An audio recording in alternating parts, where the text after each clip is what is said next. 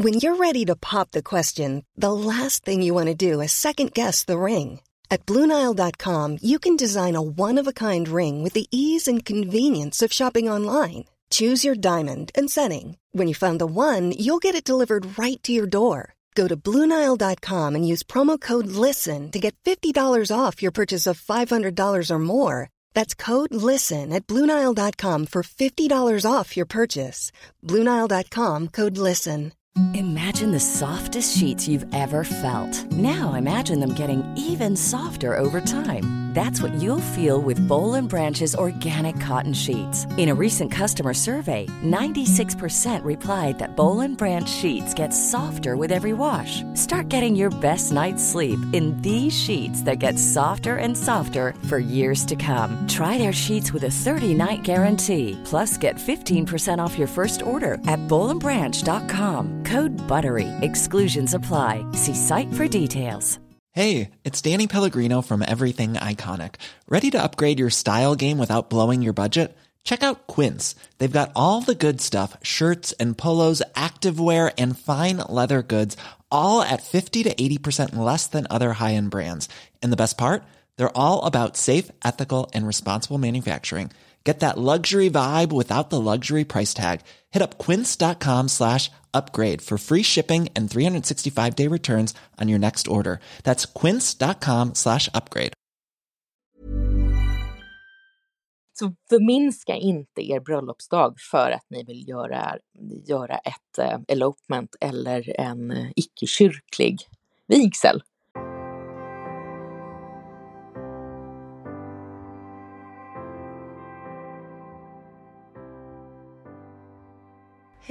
Och välkomna till Bröllopstankar. Ett bonusavsnitt där jag har gjort en intervju med fotografen Evelyn Wallin. Och för många par är ju bröllopsdagen den viktigaste dagen i livet. Men för vissa handlar det också om att man vill göra något mer personligt och något unikt. Någonting som kanske bryter traditionerna och istället speglar deras egen personlighet. Och fotografen Evelyn Wallin har specialiserat sig på just sådana bröllop som just kallas elopements. Där paret reser iväg och skapar sin egna unika bröllopsupplevelse. Hon har en passion för att föreviga de här intima ögonblicken och har hjälpt många par att skapa minnen för livet. Och jag fick möjligheten att prata med Evelyn om hennes syn på elopement och hur hon hjälper par att göra sin bröllopsdag till en oförglömlig upplevelse. Så nu kör vi. Här kommer intervju med Evelyn Wallin.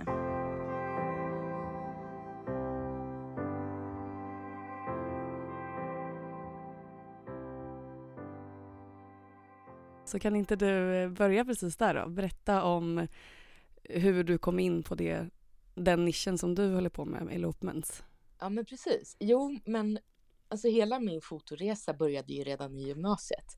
Men det var inte förrän jag själv skulle gifta mig som det faktiskt blev aktuellt att eh, ja, men testa och fota lite mer professionellt. Um, och det kom sig av att dels så var det väldigt, väldigt roligt att planera vårt bröllop. Det var ett mikrobröllop, eller elopement om man nu vill kalla det för det, um, i New York. Och uh, jag hade några lite halvtokiga idéer om hur, hur jag skulle bli fotad helt enkelt. Och um, så fick jag i morgongåva av min man en digital kamera med några objektiv. Uh, för han sa så här, ja men Evelyn, du fotar ju jämt. Alltså hela tiden fotar du, men du har liksom inte satsat på att skaffa dig utrustning. En ordentlig utrustning. Så då fixade han det åt mig. Eh, och sen visade det sig att våran filmare som var med då från Sverige, Helena Parmer, som också har varit min mentor, eh, skulle åka iväg och hålla en workshop i destinationsbröllop och elopements faktiskt redan då, 2017, eh, i Provence, bara en månad efteråt. Och jag frågade lite fräckt om, om det fanns en möjlighet för en hobbyfotograf som jag att följa med. Vilket hon tyckte var självklart. Och då gjorde jag ju det.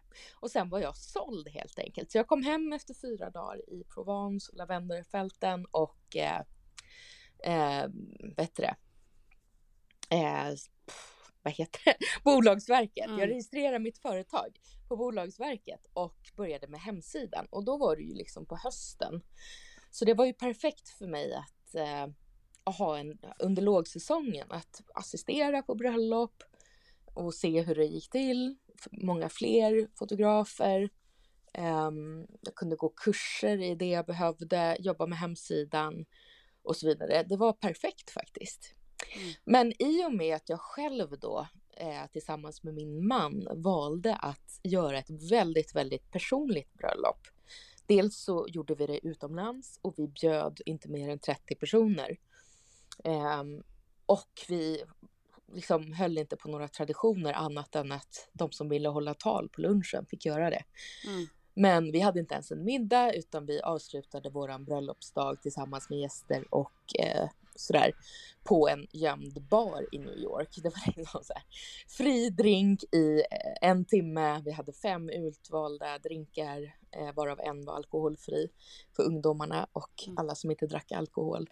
Och sen avslutade vi det hela. Jag tror att min man och jag gick och köpte en korv eller någonting som middag för vi var så mätta efter lunchen. Mm. Så nej men vi gjorde det verkligen. Vi gjorde, hade egna löften. Det var inte i Svenska kyrkan då utan det var en vigselförrättare i New York som höll i våran vigsel. Och vi, jag dansade på vigseln och min man sjöng. Det var väldigt, väldigt personligt. Mm. Mm. Men var det självklart för er att göra på det personliga sättet? Eller hur kom det sig att ni vågade bryta de normerna som kanske finns kring bröllop från början? Mm. Ja, men det var, det var flera saker. Jag har alltid varit lite rebellisk. Så är det bara. Eh, jag är inte så förtjust varken i traditioner eller normer, men det handlade också om min man som är väldigt, väldigt Ja, men han ska alltid hålla låda och liksom, han är en entertainer överhuvudtaget. Och vi insåg att vi skulle inte ens hinna prata med med alla våra gäster. För vi hade ett så stort nätverk, både han och jag var för sig. Så vi skulle till och med, vi skulle, det skulle inte gå liksom. Mm. Och då, då kändes det för honom som att då handlade inte bröllopsdagen om oss. Då, då handlade det mer om gästerna och han skulle inte kunna slappna av på dagen om man inte ens kunde tacka alla människor som kom. Eh, så det kändes som att ja, men det här, då, om man gör det utomlands och framförallt i New York, då kanske folk förstår att man kan inte bjuda 200 personer. Det går Nej. inte. Eh, och hur tänkte ni med gästlistan då? Hur, hur bröt ni ner den till de 30 som det blev? Eh, ja, bra fråga. Nej, men vi, vi har som sagt, det här stora nätverket eh, är över hela världen, så vi hade ju, men jag skulle säga de närmaste vännerna och närmsta familjen. Um, och folk som vi också vill ha med i våra liv framöver. Vi tänkte mycket på framtiden och, och liksom band som vi ville knyta framöver. Så. Mm. Mm. Men sen är det ju alltid så tror jag att det finns, eh, man ska bara, jag hade önskat att vi hade varit ännu mer strikta med vilka vi valde. Eh, ja. Så. Det är eh, bra lärdom kanske. Ja. Att tänka att man vet, precis som du sa, vilka man vill ha med sig framåt och inte vilka man borde eller känner att man kanske måste bjuda. Mm. Absolut. Jag brukar ja. säga det till alla brudpar att välj noggrant vilka ni bjuder. Mm. Eh, och känner er inte tvungna att bjuda folk. Det, det, tycker inte jag att man ska behöva göra. Det är, är det är liksom parets dag. Um, Verkligen. Inte gästerna nödvändigtvis. men där kanske folk precis. inte håller med mig. Men, men jag tycker att en bröllopsdag ska handla om paret som gifter sig. Mm. Mm. Jag håller med dig. Men mm. vi, om vi backar bandet lite grann. Mm. Eh, för nu har vi liksom slängt oss med eh, ord som elopements och eh, mikrobröllop och du är ju drottningen av det. Kan inte du bara berätta lite? För jag tänker att de som inte är superbröllopsnördar och har hört de här orden förut, vad innebär, vad innebär till exempel elopement för någonting?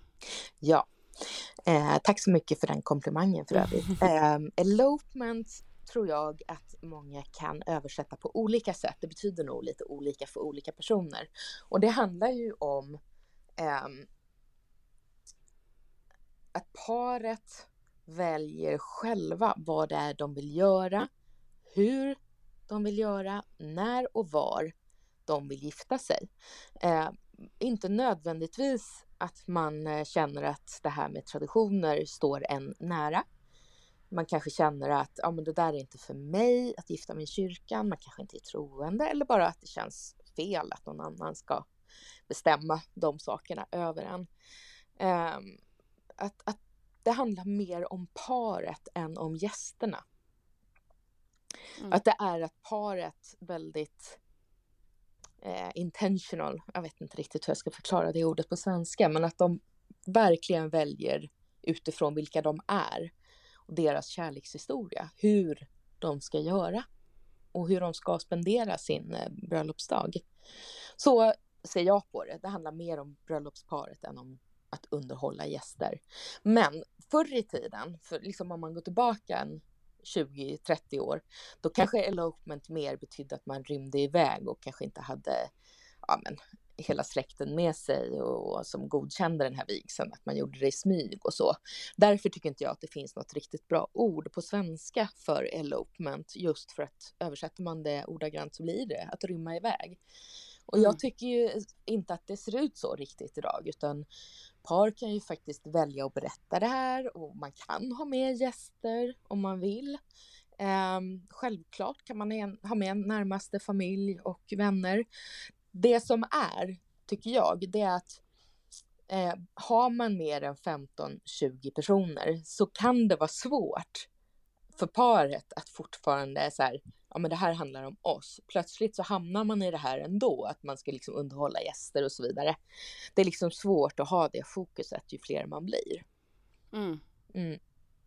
Men på något sätt är det att man åker iväg, inte att man gör till exempel stadshuset i sin egen stad. Alltså det kan man ju kalla för ett elopement också. Men jag tycker ju att det blir ju det som skiljer sig. Ett elopement behöver ju inte vara jättepersonligt, även om jag tycker Mm. att man ska ta den chansen när man kan. Eh, Stadshuset är ju verkligen en vigsel på en eller två minuter. Eh, det är nästan, på sommaren är det ju som en drop-in, det är ju kö liksom utanför.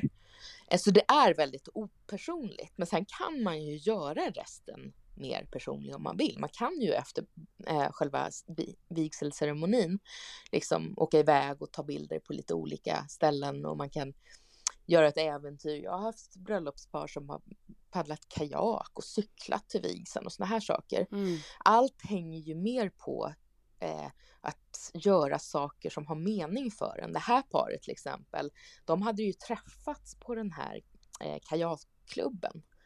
Så för dem var det Mhm. väldigt naturligt att göra någonting som de tycker är kul att göra. Och så var det lite romantiskt att de träffades där.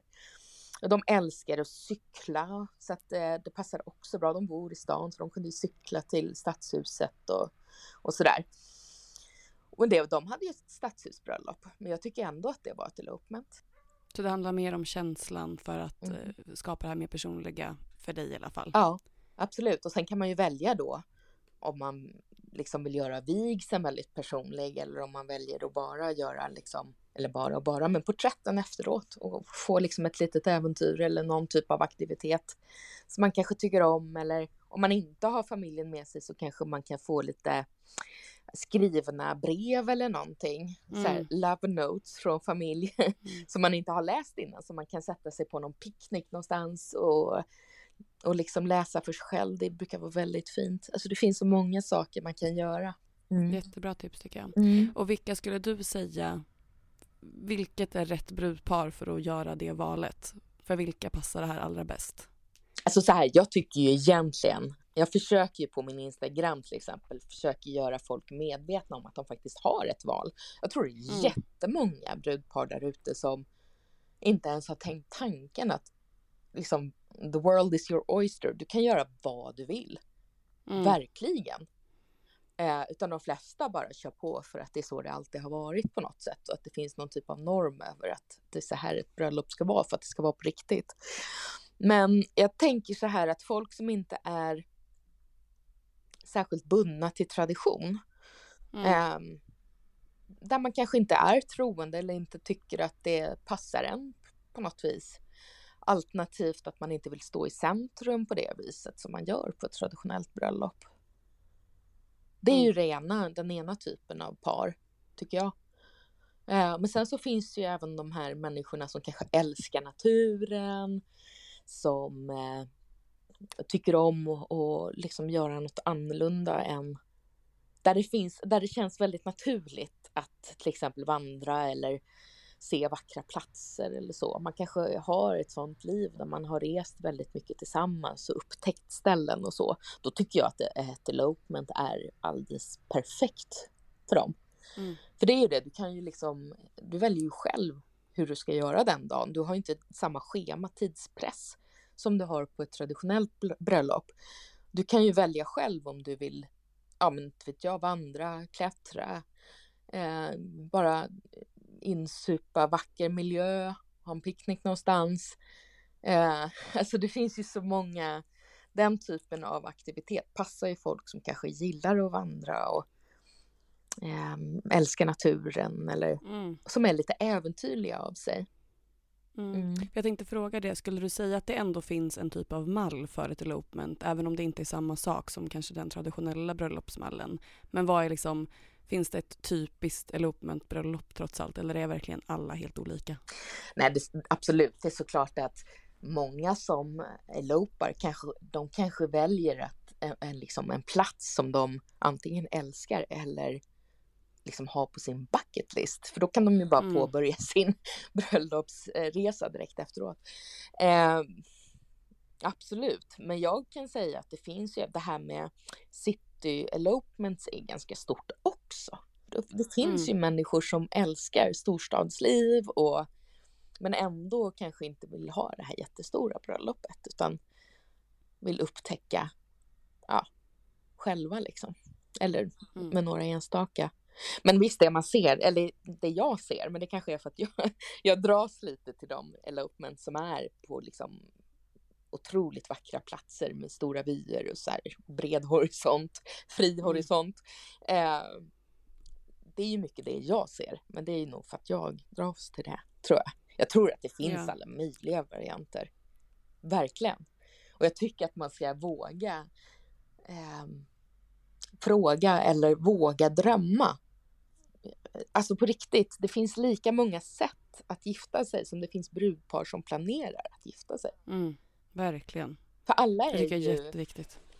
egna par med en personlig historia och, och liksom önskar och dröm, önskemål och drömmar och bucketlister, allt möjligt. Mm. Kan du berätta om någon, något bröllop som du har eh, varit med och fotat på som du tycker sticker ut extra mycket? Ja, men det var nog det, det jag nämnde, det här med att eh, paret ville paddla kajak och cykla till vigseln och sådär. Mm. Det kändes otroligt. Var det samma par som först cyklade och sen paddlade? Ja. Eller var det två? Nej, ja, det är okay. samma par.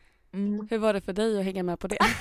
ja, det var faktiskt rätt kul. Framförallt under eh, kajakturen, för då fick jag verkligen springa längs med ja, men typ Långholmen där på andra sidan. Mm. och bara springa längs med vattnet och de, eh, de skrev det till mig i sin recension att det var helt magiskt att se mig springa där med mina två kamerahus hängandes liksom och bara lunka för att hinna ta bilder liksom medan de paddlade de var snälla, de gjorde inte så snabbt. Så det var eh, eller liksom när jag körde bil när de cyklade och så. För det, jag vågade inte riktigt cykla med mina två kameror och sådär. Nej, jag förstår och det. försöka ta kort samtidigt. Det går inte. Så att det blev bil. Och hängandes ut genom fönstret. Nej, du förstår själv, det, det var mm. nog rätt kul för dem också. Men det tyckte jag var mm. jätteroligt. Eh, sen har ju jag gjort en hel del liksom stylade fotograferingar på häftiga platser. Njupeskär till exempel, det högsta fritt fallande vattenfallet mm. i Sverige. Eh, där gjorde jag en jättefin eh, elopement-fotografering. Eh, superfint, häftigt mm. med dånande vattenfallet i bakgrunden. Supervackert. Och sen eh, även utomlands då. Jag har ju fotat i Dolomiterna och Venedig och sådär. Mm. Eh, Mm. Det låter fantastiskt. Mm. Finns det några platser som du känner du har på din bucketlist som du så här, om ett brudpar säger den här platsen då skriver du på direkt? Ja men herregud hur många tror du det finns? ja, men Island, Skottland, Färöarna, Grönland skulle jag jättegärna vilja åka till. Ja. Um, ja, det finns många ställen. Även Kuba skulle jag vilja åka till. Det skulle vara så läckert. Tycker du att det finns om de folk har hört talas om det här innan, vad tycker du är de största fördomarna? Upplever du att du får höra samma saker återkommande som du är nästan lite trött på att behöva förklara runt. Ja, men absolut. Det finns ganska många sådana här idéer om, eller missuppfattningar om elopement. Dels så är Mm. det, den största tror jag handlar om att ja, men vi, ska, vi ska göra ett elopement eller ett lite mindre bröllop och vi, ehm, vi vill ha en fotograf för en timme liksom. Mm. Och det tycker jag är så himla sorgligt för ett elopement behöver ju verkligen inte vara en kortare dag. Och egentligen Nej. varför? Bara för att du inte vill stå i en kyrka och ha 200 gäster. Varför skulle ditt bröllop och din bröllopsdag vara mindre värd, mindre fotovänlig, mindre liksom, mindre att fira bara för att det är ni två? Nej. Det tror jag är den största missuppfattningen. Det finns så mycket man kan göra och man kan fira en hel dag utan problem. Jag har till och med på min hemsida så finns det till och med exempel på tidslinjer över två dagars elopement som man kan göra Mm. Utan problem. Ja. Eh, Men många har den missuppfattningen att bara för att man kanske bara är brudparet eller några enstaka gäster så behöver man bara en timme eller två som fot- för Mm. foto. Mm. Mm. Det är den största. Sen finns det ju många andra. Det finns ju folk som undrar, men, men är det verkligen lagligt? Liksom, går det igenom som ett, som ett giftermål? Eh, Mm. Och det gör det ju. självklart. Eh, det finns ju Mm. både präster och vigselförrättare som kan utföra lagliga vigslar utomhus eller var som helst egentligen. Eh, och sen så kan det vara, ja men en del är ju lite så här, ja men det handlar ju bara om att fotografen vill ha snygga foton liksom. Mm. Eh, och och det, det är väl trevligt om det kan bli fina foton, men det är inte för min skull, det är för deras skull att de ska ha minnen förstås. Ja. Eh, I'm Sandra, and I'm just the professional your small business was looking for. But you didn't hire me because you didn't use LinkedIn jobs. LinkedIn has professionals you can't find anywhere else, including those who aren't actively looking for a new job but might be open to the perfect role, like me. In a given month, over 70% of LinkedIn users don't visit other leading job sites. So if you're not looking on LinkedIn, you'll miss out on great candidates like Sandra. Start hiring professionals like a professional. Post your free job on linkedin.com/people today. Since 2013, Bombas has donated over 100 million socks, underwear, and t shirts to those facing homelessness. If we counted those on air, this ad would last over 1,157 days. But if we counted the time it takes to make a donation possible, it would take just a few clicks. Because every time you make a purchase, Bombas donates an item to someone who needs it. Go to bombas.com slash ACAST and use code ACAST for 20% off your first purchase. That's bombas.com slash ACAST, code ACAST. Um, sen finns det, vad finns det mer för, det finns ganska många så, att det själviskt är ganska vanligt. Så här, jag skulle aldrig kunna göra så mot min familj, att åka iväg Nej. själva och så. Och jag, alltså jag, å ena sidan kan jag faktiskt förstå hur de tänker, för att som jag sa, den här normen och framförallt kanske äldre generationer, de har en viss syn på hur det, hur det ska vara helt enkelt. Mm. Eh, och det kan vara svårt att ta det beslutet och veta att man kommer få massa, massa skit för det från familjen. Mm. Men det finns så många olika sätt att involvera en familj i planeringen av ett elopement som bara innefattar brudparet. Ehm, eller andra gäster. Det kan ju vara så att man vill gifta sig på en plats som ens föräldrar inte kan, av fysiska hinder, kan följa med på. Till exempel. Mm. Ehm, man Har du något exempel på hur man skulle kunna involvera Alltså dem? det som jag kan tycka funkar bäst för både familjen och brudparen, det är ju faktiskt, det blir som en liten kompromiss. Man kan ju ha en sån här farewell, hej då, lycka till fest Mm. innan. Eh, och det kan ju faktiskt om man vill påminna lite grann om en bröllopsmiddag. Om man nu vill det, om man tycker att ja, men det blir en Mm. bra kompromiss för familjen. De kan hålla tal och man kan äta gott och bli uppmärksammad på Mm. olika sätt, ha lite lekar och hela den här biten. Men att det blir ja, inför själva bröllopet istället för efter vigseln så. Eh, den andra är ju att man tar det direkt när man kommer hem. Mm. Eh, men sen kan man ju involvera familj och så i, i själva planeringen. Man kan ju som sagt gå och pröva klänningar tillsammans, låta dem hjälpa till och hitta plats om man liksom vill, ja, vill det. Eh, man kan låta dem skriva såna här fina meddelanden då som man inte tittar på förrän på bröllopsdagen. Kan man livestreama kan man göra det, men då förlorar man ju lite den här själva själva en, ja, enskilda stunden under dagen då som man kanske vill ha. Det är kanske är Mm. därför man åker iväg. Men Ja. ehm, ja, det är väl det. Fördelen med Mm. att ha till exempel en fest efteråt det är ju att, att man kan be sin fotograf då att kanske göra en lite större smygtitt för då kan man ju visa upp det på en slide på festen. Så får alla se. ja, men såklart. Det är ju Jättefint. eller hur? Eh, Jag tror det. Jag tror att det, det är en sån här toppengrej. Men du som själv eh, liksom har gjort den här typen av bröllop och såklart är med på massa olika brudpars bröllopsdag. Mm. Vad, brukar, vad brukar de tycka sticker ut i efterhand? Vad brukar vara liksom det stora momentet? Och som kanske du själv också kommer ihåg från ditt eget Mm. bröllop. Finns det något speciellt moment som sticker ut extra Alltså mycket? många är ju så tacksamma över att slippa pressen och stressen att planera ett stort bröllop. De behöver inte bry sig om eh, placeringar eller om folk har allergier eller hur de ska bli underhållna under middagen till exempel. Ehm, det är ju en stor sak. Den andra stora saken är, vad kan man säga mer då? Eh, att de har att de inte har tidspressen under dagen också. Att de kan välja att göra lite hur de vill. De är inte bundna till ett schema på det viset. Hittar vi någon plats på vägen som vi tycker är häftig eller någonting som vi tycker är bra att stanna till vid så, så kan vi göra det utan att behöva tänka på att det är folk som väntar på oss där hemma. Mm. Det är de största grejerna.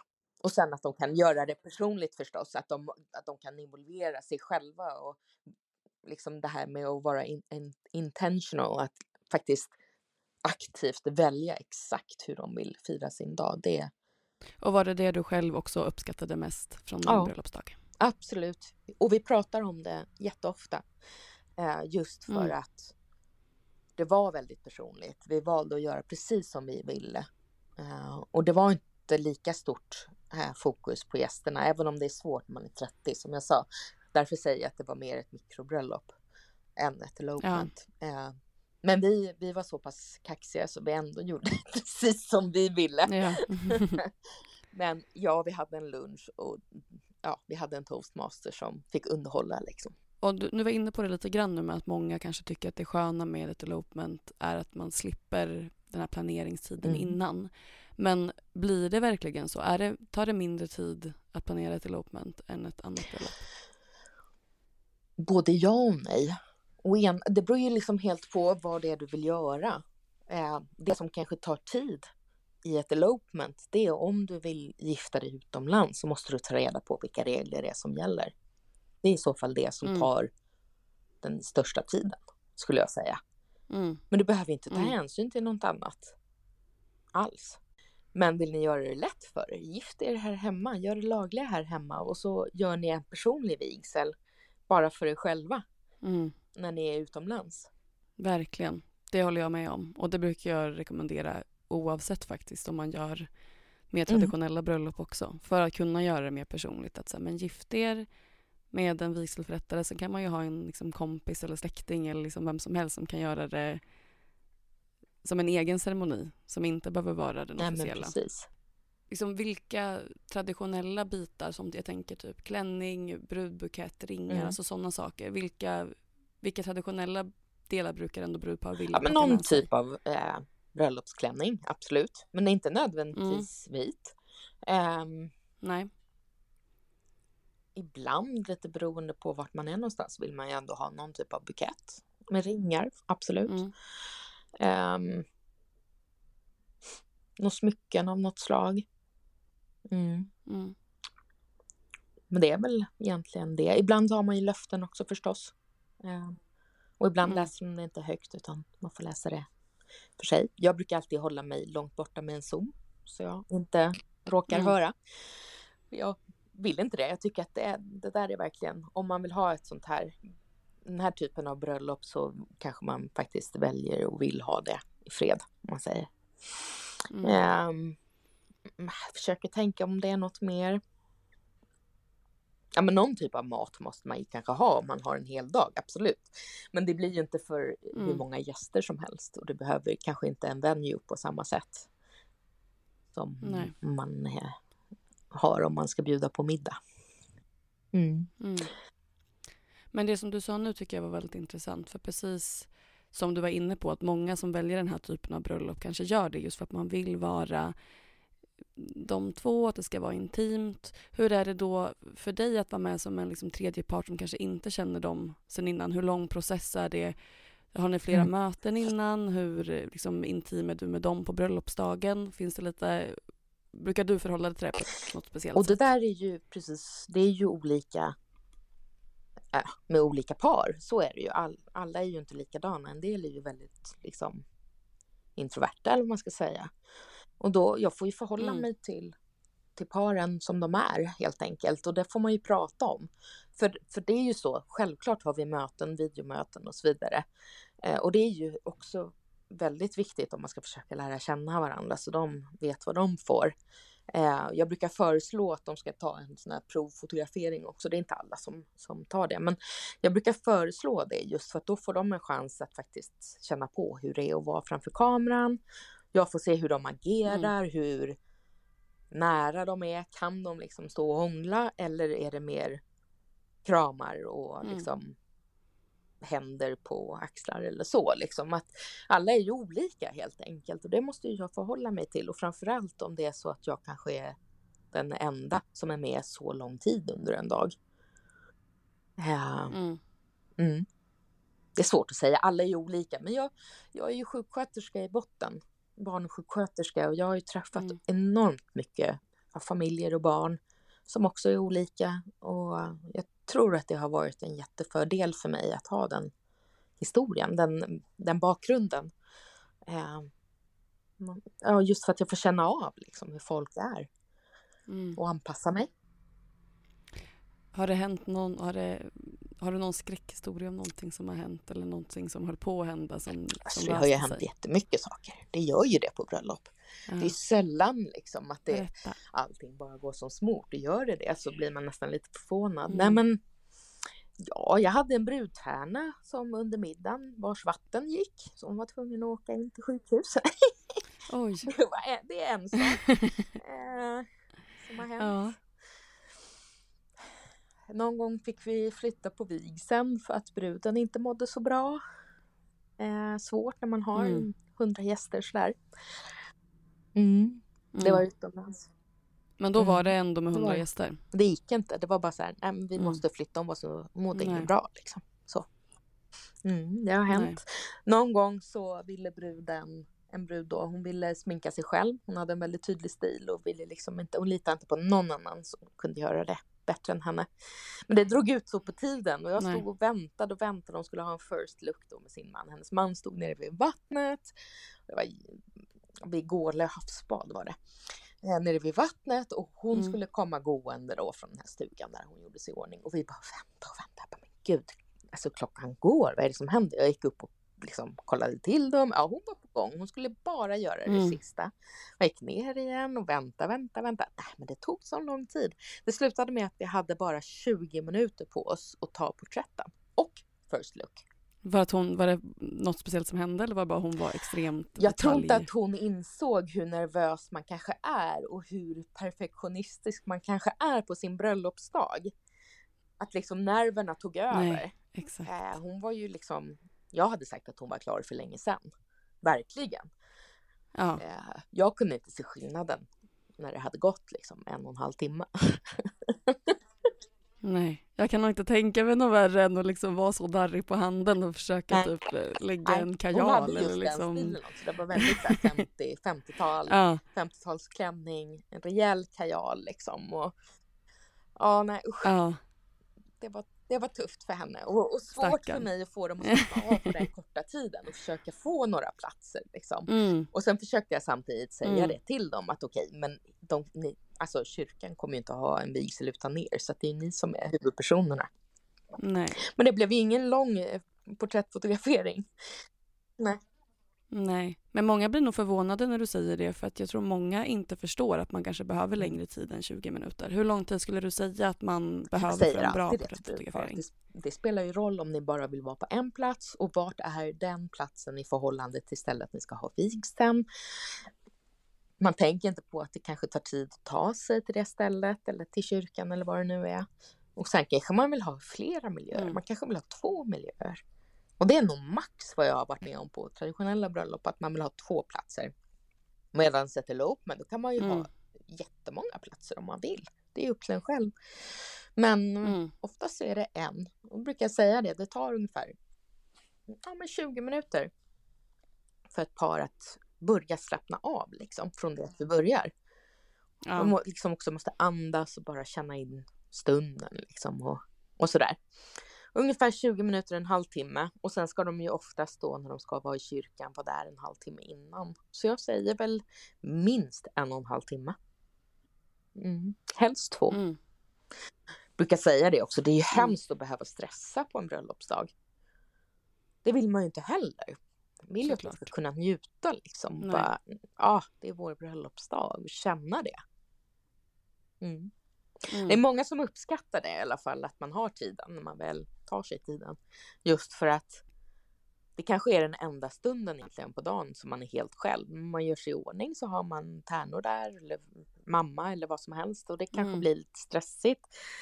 Eh, och sen så, ja, first look och porträtt och sen är det vigsel, brudskål, middag, fest. Mm. Alltså det är den enda stunden. Mm. Om man inte går ut under golden hour då, alltså en liten stund, en timme innan solen går ner. Då har man ju en liten stund till Precis. pausa.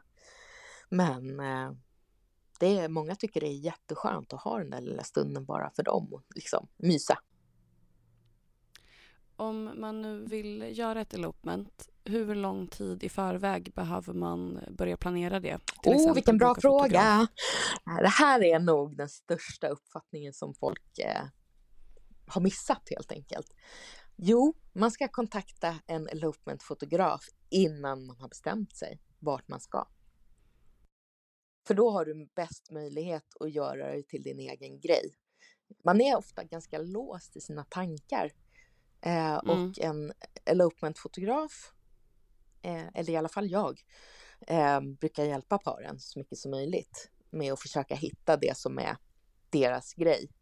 Jag har en på min hemsida och även jag har en freebie på hemsidan där man också kan få, få den här. Det är som en liten uppgift man gör tillsammans där man först på egen hand ställer massa frågor till sig själv och skriver ner svaren och sen när man har skrivit färdigt så tar man upp det fråga för fråga med varandra. Då får man se. Det är ju bland annat vad man tycker är viktigt och vad man kan skippa. Men det kan också vara så här, ja men du vaknar upp på din bröllopsdag och eh, vart är du någonstans? Hur ser det ut utanför fönstret? Vad är det för årstid? Hur ser det ut? Vad är miljön? Liksom. Sådana grejer. Eh, för då är det lättare att, att tänka brett helt enkelt om man inte redan har bestämt sig. Men brukar det vara så eller är det ändå många som brukar ha bestämt sig och sen kontaktar? Alltså det är det vanligaste, Mm. självklart. Och det är så, på ett sätt så synd, för då har man Ja. liksom inte utforskat vilka möjligheter man har. Så det bästa är ju så här, ja men nu, vi har förlovat oss, nu är det dags att börja planera hur vi ska göra. Då Mm. kontaktar jag. Ja, Evelyn. Mm. Mm. För jag tänker att de flesta brudpar som väljer ett elopement tänker då att man kan göra det ganska fort. Men är Mm. det så eller är det fortfarande långa förhållningstider? Nej, man tänker att man kan göra det ganska fort. Eh, absolut. Eh, och det kan man. Man har ju en helt annan möjlighet. Du är inte lika bunden till lördagar till exempel. Nej. Eh, men eh, ja, de flesta tänker nog att man kan göra det ganska fort. Mm. Och om du skulle säga så här, några lyssnar på det här avsnittet nu och tycker att eh, det här verkar superspännande. Finns det liksom de tre viktigaste sakerna att kanske tänka på om man ska slå, slå sagis, vad säger man? slå slag i saken? Ja. Eh, ja, men nummer ett tycker jag verkligen är den här aktiviteten som jag har. Så på min Mm. hemsida så kan du ladda ner en freebie där du har den här. Dels så är det några anledningar till att du ska överväga och göra ett elopement. Men sen har Mm. du även den här aktiviteten. Börja där. Det tycker jag verkligen. Utforska Mm. så att ni verkligen går in er i, i er själva och tänker och drömmer fritt. Mm. Eh, försök kasta ut den här regelboken. Ja. Eh, det är nummer ett. Nummer två, kontakta då mig till exempel och våga mm. liksom tänka utanför boxen. Våga mm. ställa de här, ja men är det här verkligen möjligt? Det skulle vara jättekul att göra på det här sättet. Och så mm. får vi utforska det tillsammans. Och sen skulle jag säga, begränsa er inte i hur ni ska göra. Alltså, mm, ett stadshusbröllop med en timmes fotografering, det tycker jag är att underskatta vikten av er bröllopsdag. Mm. Och så säger en del, ja men vi är inte så intresserade av foto, vi tycker inte det är viktigt. Nej, okej. Okay. Men era barn, framtida barn, mm. kommer tycka att det är viktigt. Jag har själv bara tre bilder av min mamma och pappas giftermål. Och mm. min pappa dog för 20 år sedan. Mamma mm. kommer inte ihåg. Nej, det är såklart, hon har inga bilder. Det är Nej. ju så, man väljer inte själv vad det är man ska minnas. Ofta så är det ju starkt kopplat till känslor. Men fortfarande, det är ju inte tillförlitligt med de minnena man har. Och har man bilder från tillfällen när man faktiskt har starka känslor så har du ju större chans att minnas mm. korrekt saker. Absolut. Så förminska inte er bröllopsdag för att ni vill göra, göra ett eh, elopement eller en eh, icke-kyrklig vigsel. Och jag håller verkligen med. Jag tycker man ser det bara på om man ser någon bild från någon annan kompis eh, kameragalleri och så mm. bara, men gud var jag med här? Det kommer inte jag ihåg. Nej just det, för jag tog inga bilder här. Nej just det, precis. Nej, det är lite så. Och sen är det ju så här, alltså folk som gifter sig, de är så nervösa och så uppe i sig själva. Det är svårt att minnas. Man ser ju inte sig själv utifrån eller situationen mm. utifrån. Det är jättemånga som ser sina bilder och bara, men gud såg jag ut så här? Mm. Men åh, titta den där reaktionen eller vi dansar, vi har så roligt liksom. Mm. Det är svårt när man inte ser sig själv och situationen utifrån, men det gör ju fotografen. Ja, ja. verkligen. Ja. Är det någonting som eh, du tycker att jag inte har frågat om som jag borde ha frågat om? Ehm, nej, men jag tycker att du har ställt eh, många bra frågor. Ehm, jag kommer säkert så här i efterhand komma på en massa fler saker. Mm, det ehm, brukar vara så. Mm. Men då får man, har man fler frågor får man ju kontakta mig helt enkelt. Mm. Mm. Och hur gör man det på bästa sätt? Eh, Instagram, där jag heter mitt namn med en punkt emellan, Evelyn.Wallin. Mm. Eh, där finns det rätt mycket information och man kan ju alltid kontakta mig där. Men även min hemsida, jag skulle vilja slå ett slag för min blogg. Jag har enormt Bra. mycket tips och inlägg om hur gör man det här? Hur ska jag välja bröllop eller elopement?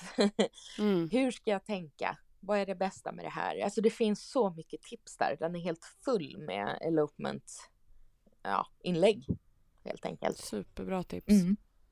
Där får alla springa in och kolla på en gång nu som har fått upp ögonen för det här. Ja, absolut. Tack så jättemycket Evelyn för att du har varit med i podden. Ja, jätteroligt att vara med. Mm. Superkul. Hej, it's Danny Pellegrino from Everything Iconic. Ready to upgrade your style game without blowing your budget? Check out Quince. They've got all the good stuff, shirts and polos, activewear and fine leather goods, all at 50 to 80% less than other high-end brands. And the best part? They're all about safe, ethical, and responsible manufacturing. Get that luxury vibe without the luxury price tag. Hit up quince.com slash upgrade for free shipping and 365 day returns on your next order. That's quince.com slash upgrade. Hi, I'm Daniel, founder of Pretty Litter. Did you know cats tend to hide symptoms of sickness and pain? I learned this the hard way after losing my cat, Gingy. So I created Pretty Litter, a health monitoring litter that helps detect early signs of illness by changing colors, saving you money and potentially your cat's life. Pretty Litter is veterinarian developed, and it's the easiest way to keep tabs on your fur baby's health right at home. Go to prettylitter.com and use code ACAST for 20% off your first order and a free cat toy. Terms and conditions apply. See site for details. Imagine the softest sheets you've ever felt. Now imagine them getting even softer over time. That's what you'll feel with Bowl and Branch's organic cotton sheets. In a recent customer survey, 96% replied that Bowl and Branch sheets get softer with every wash. Start getting your best night's sleep in these sheets that get softer and softer for years to come. Try their sheets with a 30-night guarantee. Plus, get 15% off your first order at bowlandbranch.com. Code BUTTERY. Exclusions apply. See site for details.